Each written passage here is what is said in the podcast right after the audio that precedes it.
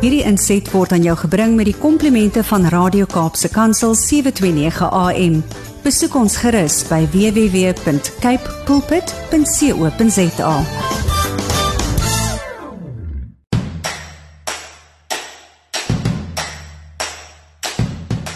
Jy is ingeskakel by Kaapse Kansel 729 AM. Dis net na 7 op 'n Saterdagoggend en dit beteken jy luister na Landbou Landskap. Hartlike goeiemôre van my Willem van Jaarsveld. Ek is jou gasheer tussen 7 en 8 elke Saterdag op hierdie sender. Nou ja, jy kan ons luister op 729 AM, 729 MW, asook wêreldwyd op die internet.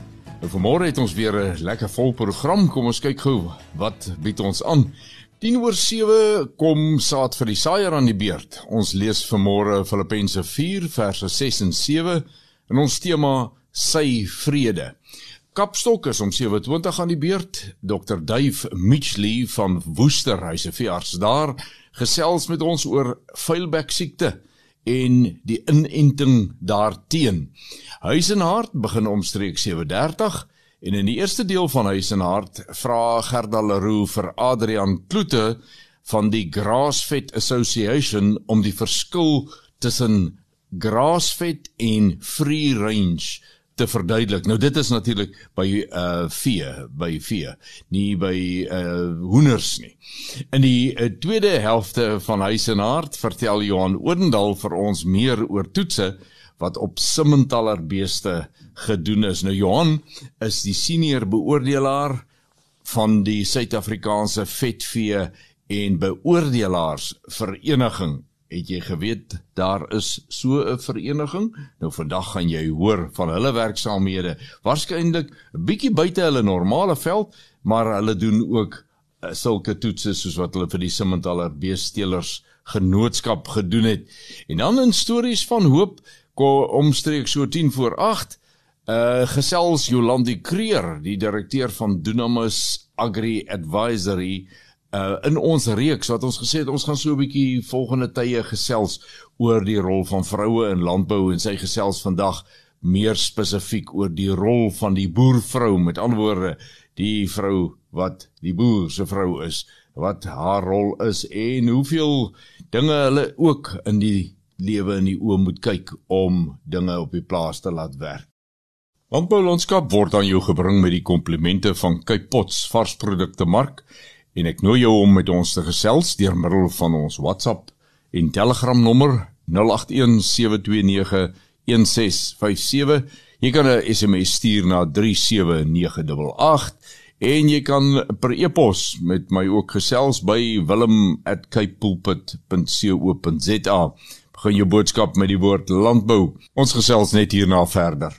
Ek glo ons het almal al agtergekom dat die ergste van hitte is eintlik verby, veral hier in die Wes-Kaap. En ek verneem natuurlik van my vriende meer noord, daar in die noorde van ons land, eh, baie lekker sonskyn daar en dis meer, maar eh, hulle kry ook uitsonderlike reën wat nie eh, eintlik gereeld in hierdie tyd van die jaar voorkom nie. Hier by ons lekker nat, lekker koud, die wind het al gewaai en dis meer die groen heuwels verskyn oral en ek sien dat die koring groei baie baie goed. Nou ja, ons hoop vir ons boere se part, ons kry daarom ook 'n uh, goeie hoeveelheid son so tussen die die reën in. Maar ons het lekker reën gehad, baie meer al as verlede jaar, veral verlede jaar hierdie tyd vroeg in die seisoen. Ons het baie baie reën gehad en dis goed vir die damme. Ons is so dankbaar daarvoor. Ons is net hierna terug met saad vir die saaier. Dit is nou tyd geword vir saad vir die saaier. Ons tema vir môre sy vrede. Ons lees Filippense 4 verse 6 en 7. Wees oor niks besorg nie, maar laat julle begeertes in alles deur gebed en smeking met danksegging bekend word by God. En die vrede van God wat alle verstand te bowe gaan, sal julle harte en julle sinne bewaar in Christus Jesus.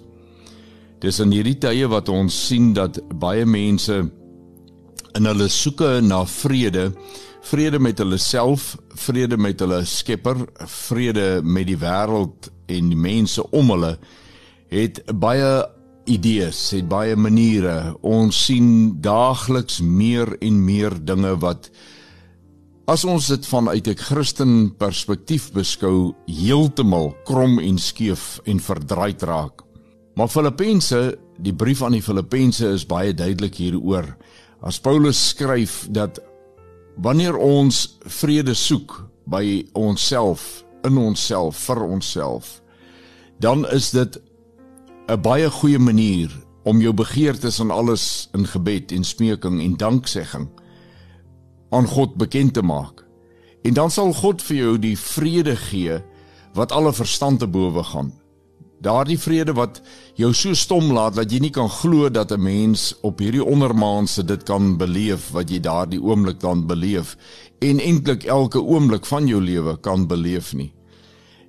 Hy sê en hy sal julle harte en julle sinne bewaar in Christus Jesus en het ons dit nie nodig dat ons harte en ons sinne in hierdie dae bewaar en behoue bly in Christus nie want daar is soveel in die wêreld wat op hierdie stadium kyk of alles wat daar van die godheid in ons oor is nie uit ons uitgeruk kan word en vervang kan word met valsheid nie. Kom ons bid saam. Vader ons dankie dat ons in die naam van Jesus vandag tot U kan kom. Dankie dat ons weet ons is vir U aanneemlik vanweë die verlossingswerk wat Christus gedoen het, die volmaakte prys wat hy betaal het vir ons sonde. Here in ons kom om te vra dat ons in hierdie dae spesiaal U vrede mag smaak. Dat ons daardie vrede wat alle verstand te bowe gaan sal smaak. Here in bo alles Vra ons dat U ons harte en ons sinne sal bewaar in Christus Jesus. Here, ons het dit so nodig. Ons is so afhanklik van U beskerming. Ons staan broos en weerloos voor U, maar ons sê dankie dat U die almagtige God is en net U kan ons red. Ons sê dankie in Jesus naam. Amen.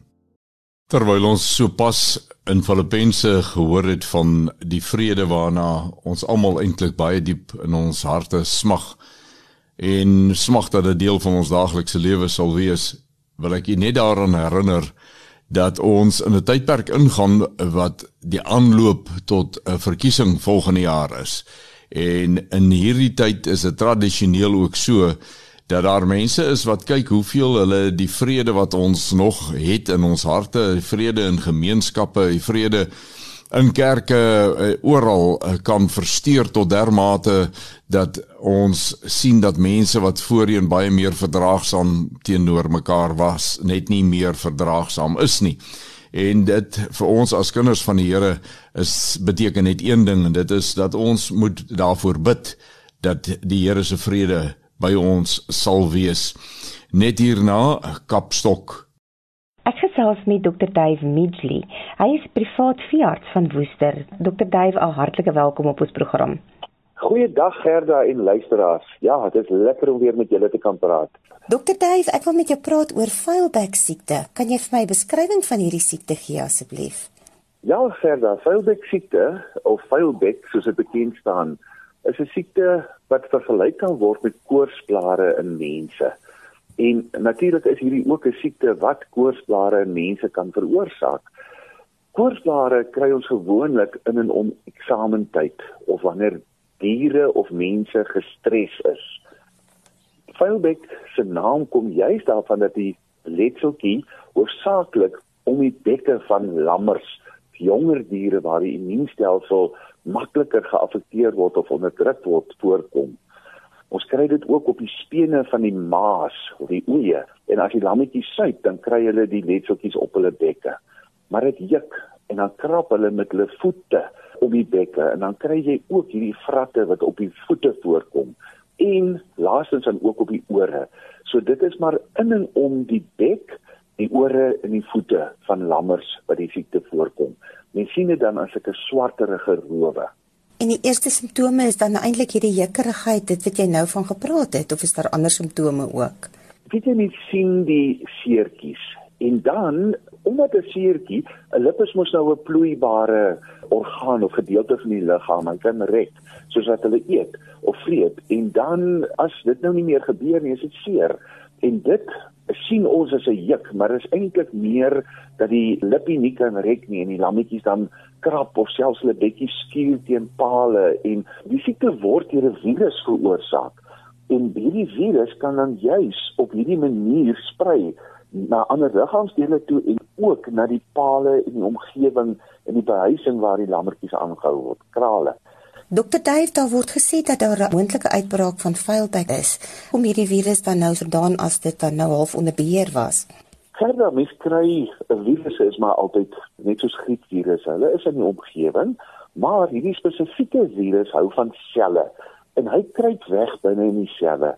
So ons kry diere wat siek was voorheen wat dan eintlik oorgaan in 'n draer toestand waar 'n mens kry dat die dier 'n asymptomatiese draer is hulle lyk nie siek nie, hulle lyk gesond, maar die virus kruip eintlik weg in die selletjies. Mens kry dit ook in en om speentyd van lammetjies. Wanneer dag-nag temperature skielik verskil, ruil van seisoene, dan is die immuunstelsel onder druk en kom hierdie virus dan skielik na vore. Dan is dit hoogs aansteeklik. Die een dier kry dit, die ma sal byvoorbeeld op haar spene seertjies kry 'n lammetjie 'n syp in haar, dan kry hy die letseltjies op sy mond. Hy drink uit 'n waterbak uit en die virus is weer in die waterbak. En op daardie manier is dit 'n japtrap wat die virus sommer deur die hele kudde kan sprei en mense uitbreek van die siekte kan kry. Hoe behandel 'n mens hierdie siekte? Ons weet mos nou dat daar nie eintlik 'n spesifieke middel is of 'n antibiotika is wat virusse doodmaak nie. So die behandeling hier is maar meer gemik op voorkoming en op simptomatiese behandeling. Daar is egter sekere ontsmettingsmiddels wat ons in hospitale gebruik. Ek dink hier spesifiek aan die groep medisyne met die aktiewe bestanddeel van kwaternêre ammoniumpreparate. Dit is goed wat ons gebruik om hospitaalvloere en hospitaaltafels, teaters mee te ontsmet. Nou hierdie ontsmettingsmiddel vat ons dan ons maak 'n gekonsentreerde oplossing wat ons dan die lammetjie se bekke mee was. En nadat ons dit gewas het, dan jy kry ook salwe wat 'n mens maar by fias en selfs by koöperasies kan kry wat ons dan op die lippies smeer om die lippies half sag te maak. So meeste salwe het maar 'n vaseline agtergrond en dan hierdie medisyne binnekant in. En dan word hierdie medisyne gesmeer aan die lammetjie se bek om die lippies sag te hou. So dit is maar was ontsmet, die omgewing moet ontsmet word, soos ek genoem het, waterbakke moet ontsmet word en dan natuurlik gaan alles maar oor inenting. Ons kan nou 'n bietjie oor die inenting praat. Kan jy vir my vertel hoe word dit gedoen asseblief? Dit wil voorkom asof daar wel verskillende stamme van die virus is. En in meeste gevalle beveel ons aan dat u uiteraard met die veearts praat vir 'n paar redes. Dit is 'n gevaarlike siekte in die sin dat dit 'n zoonose is. So as ons werk met die siekte, wil ons maar altyd met handskoene werk. Ek wil dit net hier noem want dit is redelik belangrik. Maar 'n veearts kan van daai rofies afkrap Weereens is dit beter om 'n lam in te neem na 'n veearts soos wat u self rofies afkrap, want ons wil die rofies kry op 'n plek waar die virus redelik aktief is. En van hierdie rofies maak ons dan wat ons noem 'n autogene enstof, 'n enstof van die virus wat op jou plaas voorkom spesifiek vir jou diere. En daardie enstof word dan gebruik om die lammetjies mee te ent. Selfs die oeye, ons eet ook die oeye baie maal voor lamtyd sodat die ma dan eintlik deur die biesmelk die lammetjies kan beskerm. En ons eet ook die lammetjies op die plase waar dit voorkom op 'n jong ouderdom. Nou hierdie enstof werk baie soos die ou tydse pokke enstof waar ons 'n naald vat en 'n krappie maak in die vel. En in skape en boklammers, bokke is ook veral baie vatbaar vir klontwol, dan krap ons in die lies van die lammetjie net 'n klein wondjie en dan groei die end. Hy maak so 'n klein seertjie op die binnebout en dit stimuleer dan die immuunstelsel om soldate op te bou en die siekte op daardie manier dan te beheer. In hierdie dae hoor ons baie gesprekke gaan oor die gesondheid van vleis, van groente, alles wat ons inneem. Uh hoe is dit geproduseer? Wanneer is dit gesond? Wanneer is dit nie gesond nie? Hoe is dit behandel dat dit ons dalk aan ons gesondheid kan affekteer en dis meer en uh, dis dan gepas vanmôre dat ons so 'n bietjie gesels oor ook die verskil tussen die vleise nou nie noodwendig ons praat nie oor voerkraalvleis nie maar die ander twee bronne van vleis die wat hulle noem uh, free range vrylopende uh, diere se vleis en dan die ander ene wat ons noem grasgevoerde of grass-fed uh diere. Dat ons net so vinnig hoor wat is die verskil tussen hulle en dan gesels ons ook so 'n bietjie oor navorsing wat gedoen word op die Simmentaler beesras net hierna in Huisenaard. Ek gesels met Adrian Kloete. Hy is een van die stigterslede van die Grassfeed Association en hy is nog steeds betrokke by die assosiasie. Adrian, hartlik welkom op ons program. Goeiedag Gerda, baie dankie en dis vir my lekker om weer met jou te kan gesels en ook met die luisteraars. Adrian, ek wil vandag by jou weet, wat is die verskil tussen grass-fed en free range? Gerda, die woord grass-fed is 'n aanspraak wat ons maak op die gesondheid van die vleis. So dit dui op die die eet van die dier en die die eet van die dier bepaal hoe gesond die omega 3 omega 6 vetsuur verhouding is in die vleis van die dier wat ek en jy dan eet. So dit is 'n gesondheidsaanspraak waar free range eerder 'n aanspraak is wat ons maak op die diere welsyn. Um en dit dui nie so baie op die dieet wat die spesifieke dier gehad het voor ek en jy hom dan eet nie. Julle het nou al 9 jaar hierdie grassfed konsep. Nou, ek wil met jou praat oor die volhoubaarheid van hierdie konsep en hoe julle dit doen. Verder ja, die tyd het vir ons bewys dat ons wel 'n volhoubare konsep het. Wat ons agtergekom het wat baie voordelig is, is as produsente in 'n groep saamwerk. Um maar nie net produsente onderliggend met mekaar saam nie, maar die hele assosiasie en die struktuur wat ons geskep het, maak dit ook moontlik vir produsente en ander lede van die waardeketting om dan gesamentlik 'n korter pad te kan vind tot by die verbruiker. Jy praat van die verbruiker, nou maar daar moet 'n waardeketting wees tussen die produsent en die verbruiker. Nou hoe bring jy daai twee nader aan mekaar? Absoluut Gerda. So in die stelsel wat ons voorstel, um praat ons van kontraktering. So die boer sal eerder die funksie van die abattoir inkontrakteer en die funksie van die slaghuis of die ontbeningsaanleg uitkontrakteer en dan direk met sy produk nader gaan of na 'n retailer toe of dan selfs na die eindverbruiker toe. Ons het groot sukses in van ons lede wat 'n aanlyn platform geskep het waar ehm um, die huisvrou direk by die produsent aanlyn 'n bestelling kan plaas en die bestelling word dan by hom afgelewer. So die waardeketting in effek word dan baie korter en die besit van produk verskuif ook nie van hand tot hand. Elke keer wanneer daar 'n transaksie plaasvind, dit is wat die hele besigheid duurder maak. Adrian, as ek nou 'n verbruiker is, hoe gaan ek weet dat hierdie produk wat ek dan nou gekoop het, hele grassfeed produk is? Kardinal speurbaarheid is 'n fundamentele beginsel waarop ons die hele Grassfeed Association geskweet het. En die verbruiker moet op hierdie stadium besef dat hulle kan aandring om wanneer hulle 'n produk koop by 'n slaghuis of by 'n supermark enige plek kan hulle regtig aandring om die naspeurbaarheid van die produk te bekom Dit is hulle reg. Dit is een van hulle grondwetlike regte sodat hulle kan weet dat die produk wat hulle het goed en gesond is. Gerda, om jou vraag te antwoord, hoe weet die verbruiker dat die produk wat hy koop regtig is dat dit is wat hy sê dit is? Die Grassfed Association het binne sy reëls en sy raamwerk het ons 'n stelsel wat die naspeurbaarheid volg vanaf die plaas regdeur elke skakel van die waardeketting tot op die verbruiker se bord. Adrian, ons het nog gepraat oor die verbruiker, maar watter voordele hou die Grassfed Assosiasie vir die produsent in? Gerda, die Grassfed Association is 'n platform vir die produsent. Ons is ook 'n onafhanklike derde party liggaam en dit maak verifisering van wat op die plaas gebeur geloofwaardig sodat die produsent ook die vertroue kan wen van dat dit wat op die boer se plaas gebeur en wat op die produk geadverteer word, dat dit is wat dit is. So ons het die reëls en die regulasies geskep vir al die partye om betrokke te kan wees om dit 'n uh, werklikheid te maak. Adrian, hoe werk hierdie stelsel van julle dan? As 'n produsent wil kies hy wil deel wees van die graasfeed stelsel. Werk dit?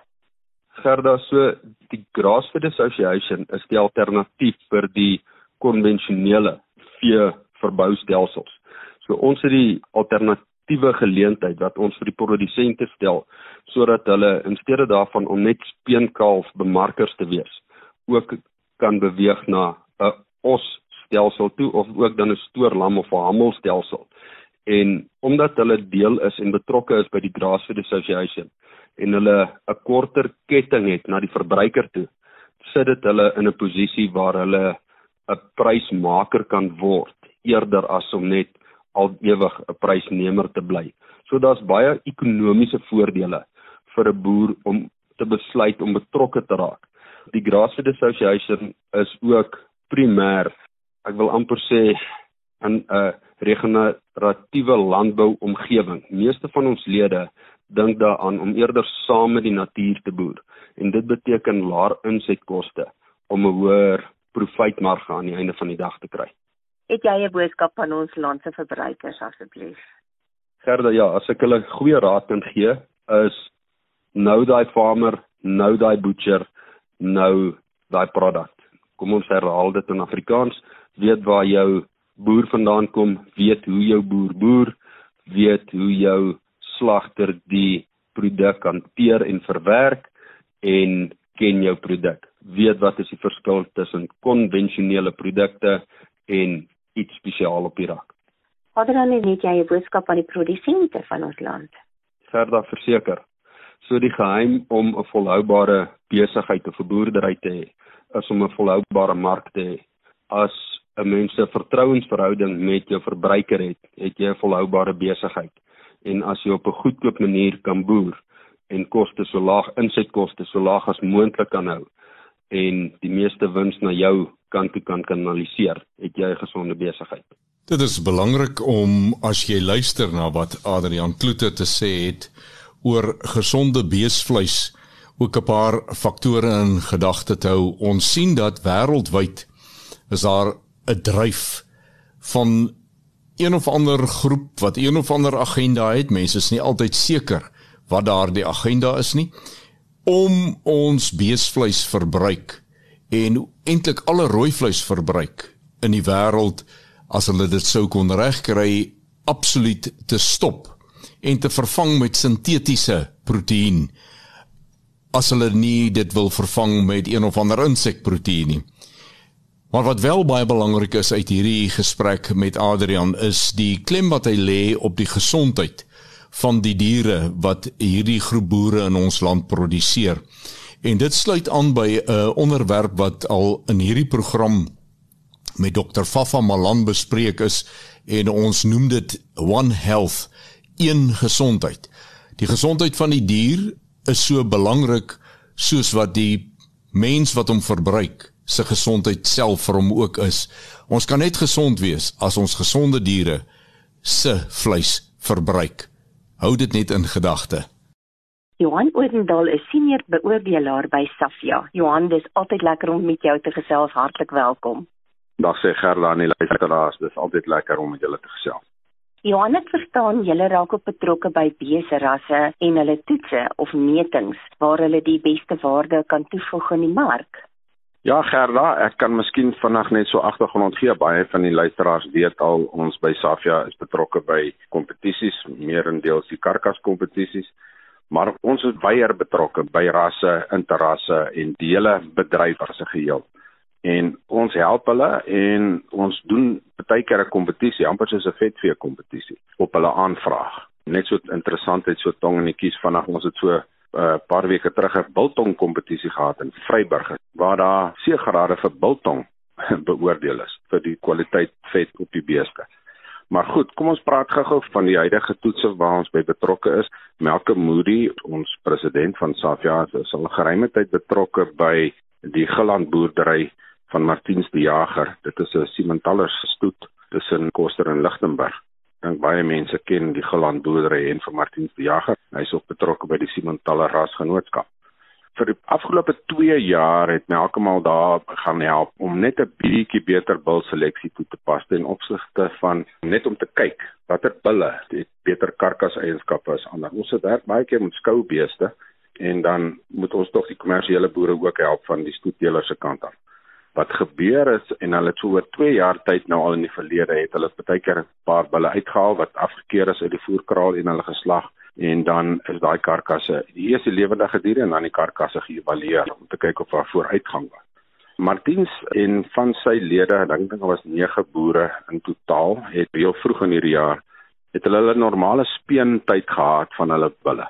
En na die speentyd is die bulle nou so deur 'n klein voerkraal matige rantsoen geplaas om hulle aanpasbaarheid voer omset, gemiddelde daaglikse toename, bouvorm, hoefgroei en dan die vaderskap verkrygings te bepaal. Dit is amper om nou net tot vir mense te verduidelik. Dit is 'n tipe van 'n fase D toets wat op rasbulle gedoen word. Na afloop daarvan is die billetjies dan nou gekeur. Gekeur om te kyk watter is uitskotbulle, jou swak 30% groeiers en dan die bulle wat uit aard vir die saak in die mark geplaas mag word. Dit word deur die keurders gedoen. Die bulle wat dan afgekeur is, is teruggesit in die voerkraal om af te rond. Dit is bulle wat glad in die mark mag kom nie en dis juist daar gedurende hierdie toetse wat ons toe nou betrokke geraak het, meer in diepte en die bulle deurgevoer het soos in 'n gewone voerkraal scenario. En dan het ons 'n mini van 'n kompetisie gehou op versoek van die Siementaler Genootskap. En daaruit het so soos ek noem so 9 boere se beeste in 'n totaal van 48 het ons toe gaan evalueer in April maand. Ons het hulle in 12 groepe gesit van 4. Net gou iets te verduidelik daar.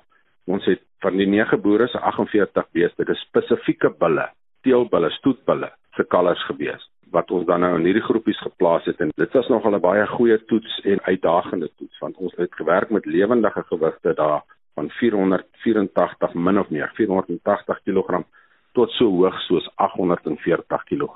Dit is die rykwyte wat uit die voerkraal uitgekom het. Johan, jy het nou gesê dat jy met lewendige diere gewerk het uit die voerkraal en dan almal suiwer simmetallers, nê? Nee. Dis reg so, Gerda. Ons het nou regtig groot diere gehad en nie noodwendig diere wat by ons Safia kompetisie inhak nie. Daar was 'n klomp van hulle. Daar was 18 diere wat in die Safia kompetisie op ons Safia reëls wel deelgeneem het. Maar op versoek van die rasgenootskap van die Simmentalers het ons hulle deur geëvalueer tot op die groot beeste. Dit was uit en uit hulle versoek en ons doen dit baie graag. Ons het hulle in drie groepe gesit. Dit was 'n Safia groep, dan het ons 'n kom ons noem dit 'n Suid-Afrikaanse ontbeningsgroep en dan 'n Amerikaanse ontbeningsgroep. Dit het uit en uit gegaan oor gewigte. Want van hierdie beeste was regtig baie swaar. Interessant genoeg was ek betrokke persoonlik by die op die hoef die dag op die 48 diere in die 12 groepe wat ek uiteraard moes klas in hulle onderskeie gewigsgroepe. Hulle is natuurlik gemeng. Ons het die 12 groepe dan nou gemeng in gewigsklasse en dan het ek hulle geklas op hulle bouvorm, vet, verspreiding onder die vel. Dit is nou alles lewendige diere, nê. Ons normale manier van kyk na 'n bees. En dan het ons hulle so geplaas. Ek moet miskien net vinnig noem, die Simmentaler ras of Martin die Jager hulle en sy mense is baie bevoordeel want hy het op sy eie plaas, dit is sy stoetboerdery. Die voerkraal is op by hom Hy het die abattoir in Koster en dan het hy die vleisverspreidings in Rustenburg ook. So Martiens het die totale waardeketting het hy in een pakkie as mense dit so kan noem. En dit is hoekom dit so lekker was om daar by hulle te werk. Want die ander boere kon hulle beeste na hom toe bring, hy kon hulle voer, hy kon hulle slag. Dit is alles beheerd gedoen. En hulle het tot vetmetings gedoen, die onderhuidse binnespierse vetmetings voor ons met hulle gewerk het in die kraal net om 'n totale prentjie te kan kry op die einde van die dag. Soos ek sê Martin het al 2, 3 jaar terug begin met van hierdie goed en hier gaan ons nou na die einde toe. Hierdie beeste is almal geslag, maar ons het die op die hoef gedoen in drie gewigsgroepe soos ek reeds genoem het. Ons moet onthou dat ontbening in ons land is baie in die orde van die dag en dit vra vir 'n bietjie 'n swaarder karkas, groter snitte. Ek meen mense kry amper nie meer vandag 'n rampstyk in een hele groot stuk te koop nie dit is net eenvoudig te groot of dit kos te veel uiteindelik met koste te doen Baie van die steaks wat ons koop vandag is in kleiner porsies verdeel om dit meer bekostigbaar te maak. En dit is juis hierso waar die Simontaler ras tot sy reg kom. Natuurlik het hy goeie bouvorm. Ons het hierdie beeste is gevoer in daai voerkraal vir die totale tydperk met geen zulpatrol, zulmax soos almal dit verstaan. Hulle het glad nie van dit gekry nie. Die rede daarvoor is is omdat ons wil bewys dat hierdie diere kan goeie groei gee en goeie afronding sonder diesel max. As ons dit uitlos, kry ons 'n klein bietjie beter vetverspreiding op die diere. Ons sit met 'n Siementaler ras wat so effens later ryp is in die vetkant en dit is juist hoekom ons dit gedoen het. Was uitstekende diere. Daar was uitstekende diere tussen hierdie 48 en ons moet onthou dis afgekeerde diere. Hulle is reeds afgekeur, maar nog steeds het ons uitstekende voorbeelde gehad van die ras wat ek met die dag kon mee werk en ons kon hulle baie baie goed klas en evalueer vir die slagting. Johan, wat is dit wat die Simmentaler ras wil bereik met hierdie toetse?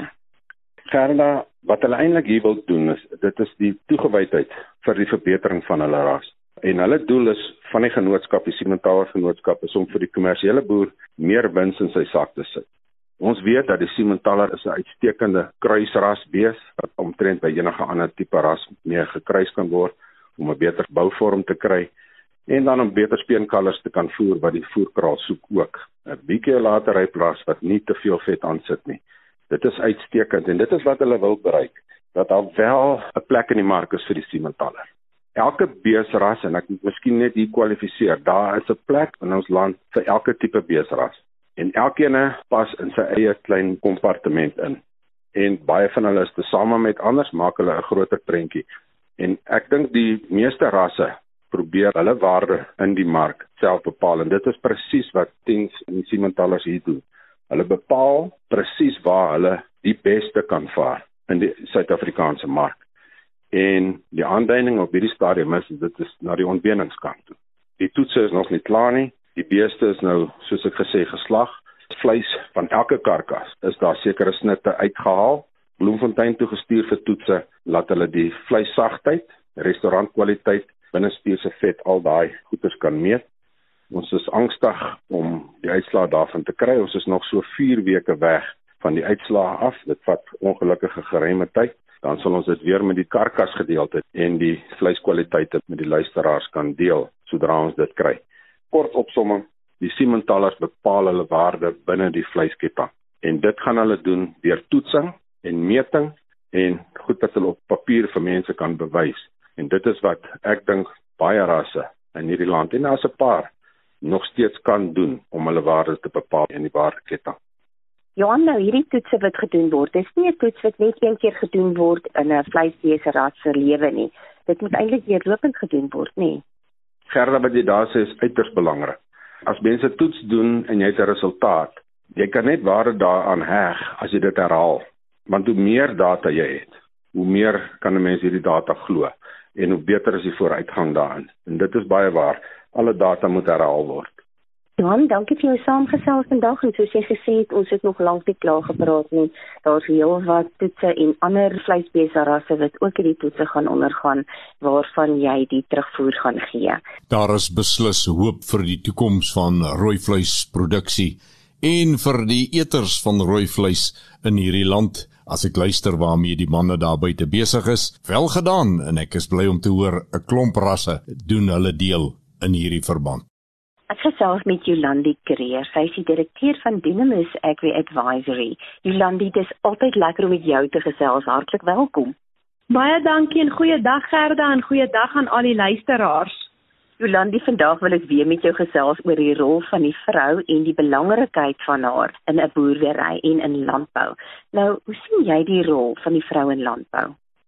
Gerda, die rol van vrouens in landbou is nou 'n onderwerp wat my baie opgemonde maak want daar's soveel verskeie aspekte in die landboubedryf en dis my altyd so lekker om te sien hoe vrouens hulle self hierin posisioneer en geleenthede uitkerf. Ons is lankal nie meer net op 'n plek wat landbou is gelyk aan boerdery en boerdery is gelyk aan die man nie. Die landboubedryf is so wyd en daar's soveel maniere waarop vrouens hulle kan uitleef.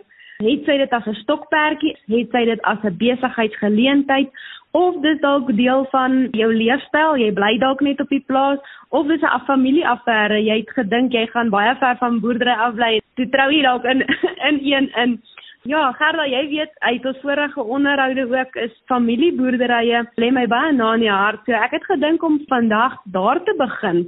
En een van hierdie rolle wat ons sien is die van 'n boervrou. Ek wil vandag so 'n bietjie praat oor die rol van die boervrou in die landbou.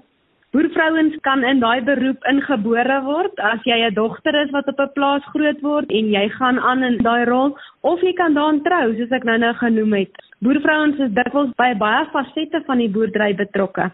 Partykeer help hulle self boer, hulle help om kinders groot te maak, Hulle moet soms vrederegter speel tydens familiekonflikte of jy moet as 'n klankbord dien vir jou man of jou kinders om hulle klagtes aan te hoor. En dis wat ons sommer gewoonlik sê bietjie daai pillow talk aan die einde van die dag. As die dag nou verby is en die stof uit gaan lê wanneer jy luister en wanneer jy klankbord is 'n boervrou moet baie keer gemeenskapswerk doen onder die plaaswerkers en hulle probleme hanteer of dit nou sosiale probleme is of baie keer moet jy pille uitdeel of motiveer. So die rol van 'n boervrou is so wyd soos die goed wat ek nou al reeds genoem het en uiters belangrik.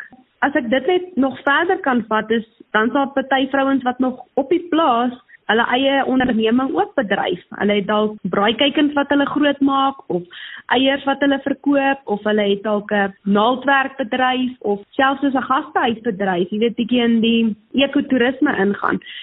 So die vrou se rol in 'n familieboerdery en enige boerdery raak toenemend baie belangrik vir die voortbestaan van die familie in geheel. Daar is verskeie rolle wat 'n boervrou op die plaas kan inneem. Sy kan 'n sakevernoot wees in die besigheid of sy kan mede-eienaar van die boerdery wees. Dit kan dalk deel van haar erfporsie wees of sy het landbou studeer en is 'n vernoot in die besigheid. So sy tree as 'n senior adviseur op en sy word ook in al die besluite geraadpleeg. 'n Tweede rol wat ek aan gedink het, is die van 'n menslike hulpbronbestuurder. Die vrou moet baie keer gemeenskapswerk doen, maar as jy dit bietjie meer formaliseer, is die vrouens baie keer in beheer van die personeelaangeleenthede om seker te maak die kontrakte is in plek, om seker te maak die administrasie is in plek. As die werknemers kom om verlof te vra of hulle het 'n probleem, dan is dit baie keer as die vrou so bietjie meer simpatiek. So dis 'n spesifieke rol wat wat 'n vrou op die plaas kan inneem. 'n Derde rol kan wees as sy dalk niks met die administrasie te doen het of die boerdery nie, maar sy kan dalk as hoof van die familieforum optree. Nou dit mag dalk 'n vreemde konsep wees vir van die luisteraars, maar veral as 'n familieboerdery groter word en daar's meer familielede betrokke wat nie noodwendig aan die boerdery betrokke is nie, stel ons altyd voor dat so 'n familie 'n familieforum skep Dis 'n forum net wat spesifiek kyk na die welstand van die familie. En wie beter as 'n vrou om hierdie rol te vervul om seker te maak die vrouens word betrek by aangeleenthede, om seker te maak die families in die boerdery word mooi na gekyk. Dan is daar 'n ander rol en dit is die van die koördineerder van die finansies en al die fasiliteite. So dan die vrou hanteer die geldsaake, sy sorg dat almal betaal word, sy kyk na die administrasie as enige iemand inligting aanvra, dan klop hulle sommer by haar deur aan en sê help hiermee, help daarmee. Gewoonlik is sy dan 'n kernrolspeler in die plaaskantoor. En dan 'n laaste rol weer weg nou van finansies af is die van 'n bewaarder van familiewaardes en baie keer ook so nou rol aan ma wees nê. Nee. So in hierdie rol is die vrou die simbool van integriteit en respek en gewoonlik ook die fondament waarop die res van die familie rus. So dan die vrou sorg dat familiewaardes, morele en sake etiek gehandhaaf word. Maar as jy dit gaan uitlig is elkeen van hierdie rolle krities belangrik. Selfs net in die rol van 'n boervrou is hier sommer 'n paar onderafdelings waarin jy jouself kan posisioneer en 'n groot impak op die plaas maak en 'n groot impak op die boerdery se sukses. Jolandi, dankie vir jou saamgesels vandag en ons gaan in 'n volgende program gaan ons verder praat oor die rol van die vrou in die boerdery en landbou.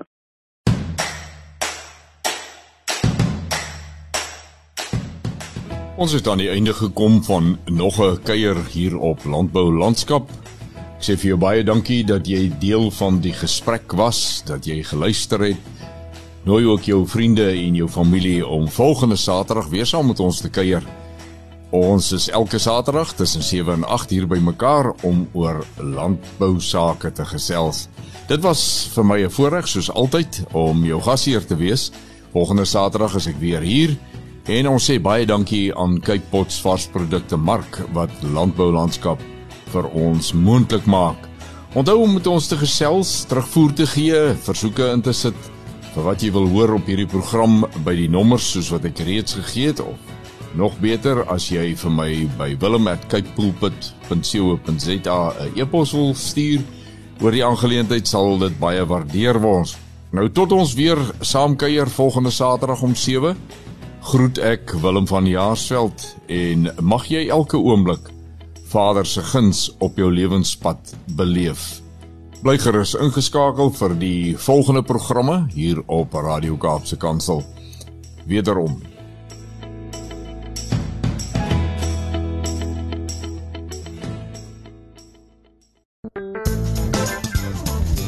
Hierdie inset was aan jou gebring met die komplimente van Radio Kaapse Kansel 729 AM. Besoek ons gerus by www.cape pulpit.co.za.